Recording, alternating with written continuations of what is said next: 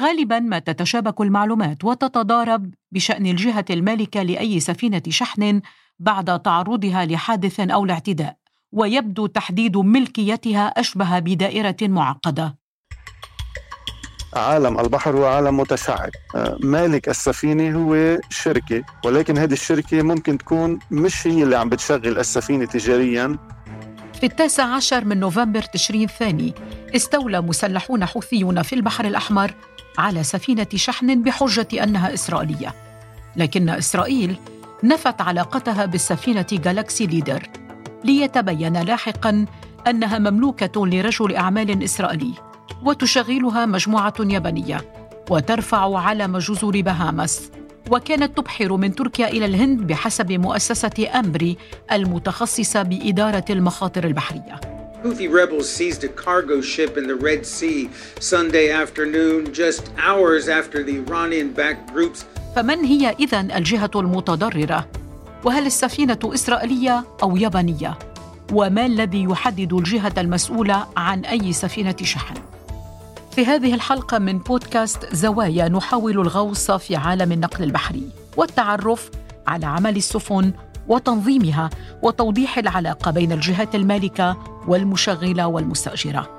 أنا أنا عبد المسيح وهذا بودكاست زوايا من سوا بودكاست. تعدد الجهات المسؤولة عن سفينة جالاكسي ليدر التي استولى عليها مسلحون حوثيون بحجة أنها إسرائيلية يعيد إلى الاذهان حوادث سابقة تعرضت لها سفن تجارية ويسلط الضوء على خفايا عالم النقل البحري وعلى هذا القطاع الحيوي في مجال نقل وشحن البضائع والسلع على أنواعها. في آذار مارس عام 2021 علقت بقناة السويس في مصر سفينة الشحن الضخمة ايفر جيفن لا يزال التحقيق مستمر حول سبب جنوح السفينة ايفر جيفن في قناة السويس. أشارت تقارير لبلومبرج وأيضا صحيفة جابان تايمز أن السبب هو خروج السفينة عن السرعة المسموح بها من إدارة القناة. وسط محاولات تحريك السفينة لفسح المجال لعودة حركة الملاحة المتوقفة لستة أيام لفت تعدد الجهات المسؤولة عن السفينة الأنظار في مصر والخارج فالسفينة كانت تحمل علم دولة بنما وتشغلها شركة تايوانية وتعود ملكيتها لشركة من اليابان. لم يشكل هذا التعدد في المتدخلين وقت الحادث مشكلا إلا حينما طالبت مصر بتعويض عن الخسائر المالية التي لحقت في القناة بسبب الحادث.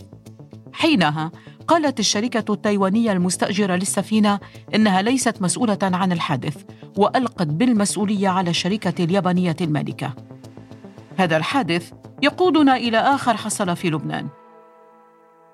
التقرير الذي أعده صحفيون بعد بحث استمر أشهرا عدة يكشف أن الأوكراني فولديمير فيربنول مالك شركة سافارو هو صاحب شحنة الموت. السفينة التي حملت نترات الأمونيوم إلى مرفأ بيروت عام 2013 وتسببت بكارثة دموية في الرابع من آب عام 2020 شكلت لغزا عند التحقيق في ملكيتها الأوكرانية أو الروسية ومستأجرها ومشغلها وصاحب البضاعة. كي نتعرف أكثر على تنظيم عالم الشحن البحري وارتباط أكثر من جهة في ملكية السفينة سألت الخبير في المنظمة البحرية الدولية هيثم شعبان كيف بدأت قوانين واتفاقيات النقل البحري؟ بعد غرق سفينة تايتانيك آه، ظهرت أول اتفاقية تنظم آه، السلامة على متن السفن اللي هي اتفاقية سلامة الأرواح في البحار من بعد ظهور المنظمة البحرية الدولية بال 58 دخلت هذه الاتفاقية من ضمن الاتفاقيات التي تنظمها هذه المنظمة وطلبت من الدول أو فتحتها للتوقيع. من يريد الانضمام لهذه الاتفاقية؟ فإذا هن حطوا الإطار العام. كل دولة هي عندها سيادتها على آه، الأراضي تبعها وبشكل مشابه عندها سيادة على السفن التي تملكها. لأنه أو ما فينا نقول تملكها التي تسجل بها. قطاع النقل البحري كونه قطاع دولي يعني شبيه بقطاع الطيران فهو آه، من ينظم على المستوى العالي العالمي من ناحية الإرشادات من ناحية القوانين من ناحية اللوائح من ناحية الاتفاقيات هي آه، منظمة البحرية الدولية اللي هي تابعة لل United Nation ومقرها ببريطانيا. أظهرت حوادث السفن ارتباط جهات عدة في ملكية هذه السفن. هناك مالك السفينة المستأجر والمشغل. ما الفرق بينهم؟ بقطاع السفن ثلاث أجنحة من تقوم بالاهتمام بالسفينة. ممكن يكون يعني المالك والمشغل والمدير. مالك السفينة هو انفستر ممكن مثل ما قلنا يكون مصرف أو بنك أو مجموعة من المتمولين. مش بيفهموا بهذا المجال أو مش مجالهم. فيقوم بتسليم السفينة لمشغل. المشغل هو يقوم بتشغيل هذه السفينة من مينا لمينا أو بيكون عنده عقد معين لنقل مثلا كميه من السيارات أو من البضائع من شكل معين أو اتجاه معين من مينا لمينتين. المدير للسفينة مدير السفينة هو من يدير فنيا، يعني يهتم بالطاقم، يهتم بشو بتطلب السفينة من قطع غيار، يهتم مثلا بشهادات السفينة بجعلها كل الوقت صالحة للإبحار. هالثلاثه entities ممكن يكونوا 1 entity ممكن يكونوا 2 entities ممكن يكونوا 3 entities غالبا ما يلفتنا رفع أعلام دول محددة على سفن الشحن. هل يعني ذلك أن السفن تحمل عادة جنسية الدولة التي ترفع علمها وتخضع لسيادة قوانينها؟ آه، رحت بدي سجل باخرة بعلم لتسي بنما أو علم ليبيريا أنا كشركة سجلت الباخرة فأصبحت هذه الباخرة من ضمن الأسطول البنمي أو الأسطول الليبيري. ولكن السيادة على متن هذه السفينة هي سيادة علم السفينة جنسية علم السفينة. إذا كانت علمها بنما فإذا بتكون السيادة بنمية. ولكن القوانين والأنظمة هي صحيح بتكون بنمية ولكن هي آه، تسير بالمعايير التي حددتها المنظمة البحرية الدولية من خلال الاتفاقيات اللي هي موقعة عليها هذه الدولة. ولكن كيف تحدد اتفاقيات النقل البحري؟ كيف تسجل سفينة في بلد ومالكها يحمل جنسية بلد آخر؟ كل دولة لها الحق حسب اتفاقية قانون البحار اللي هي صادرة من ال United Nation ب 82 لكل دولة منح جنسيتها لسفينة معينة ولكن من يحدد من يحق له أنه يسجل سفينته بهذه الدولة؟ خلينا نقول لبنان مثلا. لبنان يمنح هذا الحق لحملة الجنسية اللبنانية وإذا كان جنسيته أجنبية يحتاج إلى توقيع وزير، يعني الوزير لازم يوافق على هذا الموضوع وزير على سبيل المثال، في بعض الدول زي مصر مصر مثلا لا بده يكون من حملة الجنسية المصرية. بغالبية يعني الدول أو ماجوريتي من الدول تمنح هذا الحق فقط لحملة جنسية ابن الدولة يعني. بعض مالكي السفن نتيجة القوانين اللي هي بتكون مثلا بمكان ما مشددة.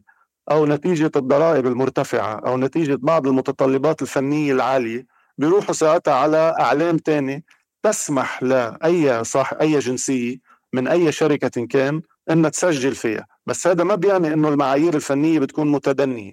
بعض الإعلام عندها معايير فنية متدنية للأسف ولكن في بعض الإعلام عندها معايير عالية المستوى وتصنيفها بيكون عالي المستوى لأنه بحال كنا نحن عم نرفع سف... لسفينة علم معين في معايير أداء وممكن إذا كان علم السفينة آه، دون المستوى ساعتها التأمين بيكون مبلغ التأمين أعلى وفي شركات تأمين ممكن ترفض تامن هذه الباخرة لأنه جنسية هذه الباخرة آه، دون المستوى. فعلى هذا الأساس البعض منهم بيروحوا لأعلام ثانية بيكونوا أسهل وأسرع. دعني أستوقفك هنا وأسأل عن سبب تردد اسم علم بنما وجزر المارشال غالبا على السفن. قطاع النقل البحري هو قطاع مختلف عن بقية القطاعات. على سبيل المثال إذا أنا آه، بقطاع let's say ال marketing أو أي قطاعات مختلفة أنا بعت إيميل ممكن ما يردوا علي بيردوا علي بعد يوم يومين لأنه بيكونوا مثلا بزي بالبحر لا بالبحر الباخرة ماشي بالبحر في مصاريف في أوقات آه، ملتزمين نحن فيها ما بدنا نتكبدها. المفروض الرد بيكون سريع فما فينا نتأخر. فعلى هذا الأساس بقطاع النقل البحري العلم اللي كان أداؤه أسرع واستجابته أسرع وتعاطيه أفضل مع ملاك السفن بيكون هو العلم اللي عم يربح وعم بدخل آه، مبالغ. يعني مثل بنما مثلا عندها 8000 باخرة. ال Marshall Island ممكن يتخطى بعتقد إذا مش غلطان 3000 قبرص على سبيل المثال كمان عندها أسطول معين من من البواخر مالطا. في كتير أعلام أو تسمح بهذا ال option إنه الخيار إنه يكون متاح لأي حملة جنسية إنه يستفيد من رفع هذا العلم هذا الأمر يقودني إلى أن أسألك أكثر وأكثر كابتن هيثم شعبان، كيف توضح دور المنظمة البحرية الدولية؟ تراقب، تنظم أو هي تراقب فقط؟ هي جهة تنظم هذا العمل ولا تراقب هذا العمل من يراقب قطاع النقل البحري هي الدول يعني أنا إذا منحت جنسية هذه الدولة لسفينة معينة من واجباتي حسب قانون البحار وحسب الاتفاقيات البحرية الدولية اللي أنا كدولة موقع عليها إني أعمل عملية رقابة حتى تكون هذه الباخرة صالحة فنيا للإبحار والطاقم اللي عليها آه، مؤهل وقادر وعنده الإمكانية إنه يقوم بعمله بالشكل الصحيح. فهيدا من ناحية علم السفينة هيدي سلطة علم السفينة. أما سلطة الميناء هي سلطة فنية. يعني سلطة تتعاطى إنه السفينة آه، مطبقة للقوانين فبالتالي أنا بسمح لها ان مثلا تدخل عندي على الميناء تقوم بعملية الشحن أو التفريغ أو تموين السفن أو تبديل الطاقم.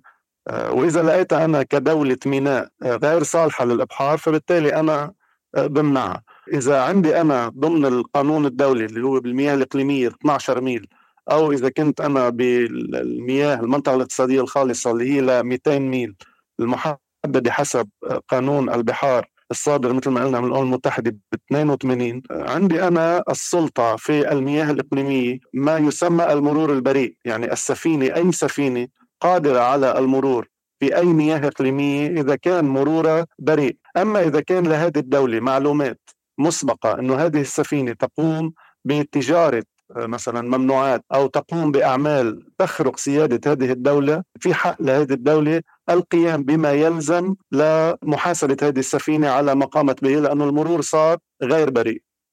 في عام 2019 وفي أعقاب هجمات على ناقلتي نفط في خليج عمان رفعت شركات التأمين حينها تكاليفها على السفن التي تمر عبر الشرق الأوسط بنسبة 10% على الأقل وسط مخاوف آنذاك من احتمالات لمزيد من الزيادة في التكاليف إذا تصاعدت التوترات في المنطقة بحسب رويترز.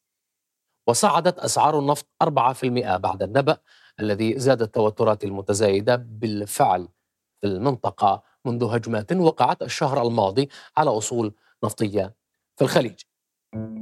مثل ما قطاع النقل البحري متشابك كمان التأمين البحري كمان متشابك. لأنه عندك عدة أنواع من التأمين البحري. يعني في تأمين على هيكل ومحركات السفينة. في عندك تأمين يسمى بنوادي الحماية والتعويض يتعلق بالبضاعة يتعلق بالطاقم يتعلق في حال هذه الباخرة. مثلا أصبحت حطام مين اللي بيشيل اذا إذا غرقت بمناطق أو ممرات بحرية. وعندك النوع الثالث اللي هو التأمين على البضائع. طبعا في أنواع منفردة بتصير صغيرة بهيدي الباخرة. أكيد عندها تأمين على الهاي ماشينري على الهيكل المحركات. تأمين البضائع من يقوم به هو صاحب البضاعة أو ناقل البضاعة؟ لأنه بالبحر عندنا ناقل وشاحن والشاحن للبضاعة هو من يقوم ب عملية التأمين. مش مالك السفينة أو مشغلة من يؤمن عليها إلا إذا كانت البضاعة غالية الثمن. هون ساعتها المالك أو المشغل خايف على هذه البضاعة ممكن يروح بهذا الاتجاه. ولكن هذه البضاعة خلينا نقول سيارات فيها ألف سيارة ممكن يكونوا الألف سيارة لمالك واحد ممكن يكونوا الألف سيارة لألف شخص. فهون عندك ألف بوليسة تأمين غير بوليسة التأمين اللي هي آه، متعلقة بالسفينة إذا كانت hull machinery أو protection and اللي هي الحماية والتعويض. كابتن هيثم شعبان بعد هذه الخبرة الطويلة والمستمرة في عالم النقل البحري. يقودني كل ما ذكرته إلى استنتاج أن المتضرر من أي اعتداء أو حادث هو أكثر من جهة وأكثر من شخص. بمطلق الأحوال بغض النظر عن ال cases اللي صارت مؤخرا أو ال cases المشابهة الكل الكل متضرر. يعني الطاقم متضرر. طاقم هيدا قبطان أو أو مهندس بحري أو بحار أو طباخ يعمل على متن السفينة. ناطر معاشه آخر الشهر حتى عائلته بالبر مثلا آه، تقبض أو شيء من النوع. يعني تستفيد أو تسترزق عم يتضرر مشغل السفينة بتكون شركة تانية كمان متضررة بهذا الموضوع عم تنقل سيارات أو عم تنقل أي بضاعة. بالموضوع اللي حصل مؤخرا يعني في جنسية معينة مستهدفة هي طبعا الهدف أنه يمكن هي تتضرر أو يصير في ضغط عليها. بس البقية يعني بقية العالم اللي بهذا الموضوع آه، كلهم متضررين كل العالم متضرر طب اللي, اللي شاحن سيارته على هذه الباخرة وناطر سيارته تنتقل من محل لمحل إذا هو شرية أو شركة الكل متضررون. ما في حدا خاسر الكل خسرانين. بعد التاسع عشر من نوفمبر تشرين الثاني نفذ الحوثيون المسلحون في الثالث من ديسمبر اعتداءات على سفينتي شحن أثناء عبورهما البحر الأحمر. ناقلة البضائع الأولى بريطانية وترفع علم بهامس ولا علاقة لها بإسرائيل بحسب مسؤولين إسرائيليين. والثانية مؤجرة لشركة ذات ملكية إسرائيلية جزئياً ولا تحمل أفراد طاقم أو بضائع إسرائيلية. كان هذا بودكاست زوايا من سوا بودكاست من إعداد وكتابة أن عبد المسيح. مراجعة هذه الحلقة عبد العالي الزهار. تدقيق نهيل أوريلي. ميكساج بشار عزاوي. إشراف سوا بودكاست محمد فاروق عبد الرحمن. وأنا أن عبد المسيح. إذا أعجبكم ما نقدمه الرجاء الاشتراك وتقييم الحلقات على منصات الاستماع للبودكاست. وأرسلوا لنا تعليقاتكم واقتراحاتكم على منصات التواصل الاجتماعي. نلتقي في موضوع جديد في بودكاست زوايا هذا الأسبوع.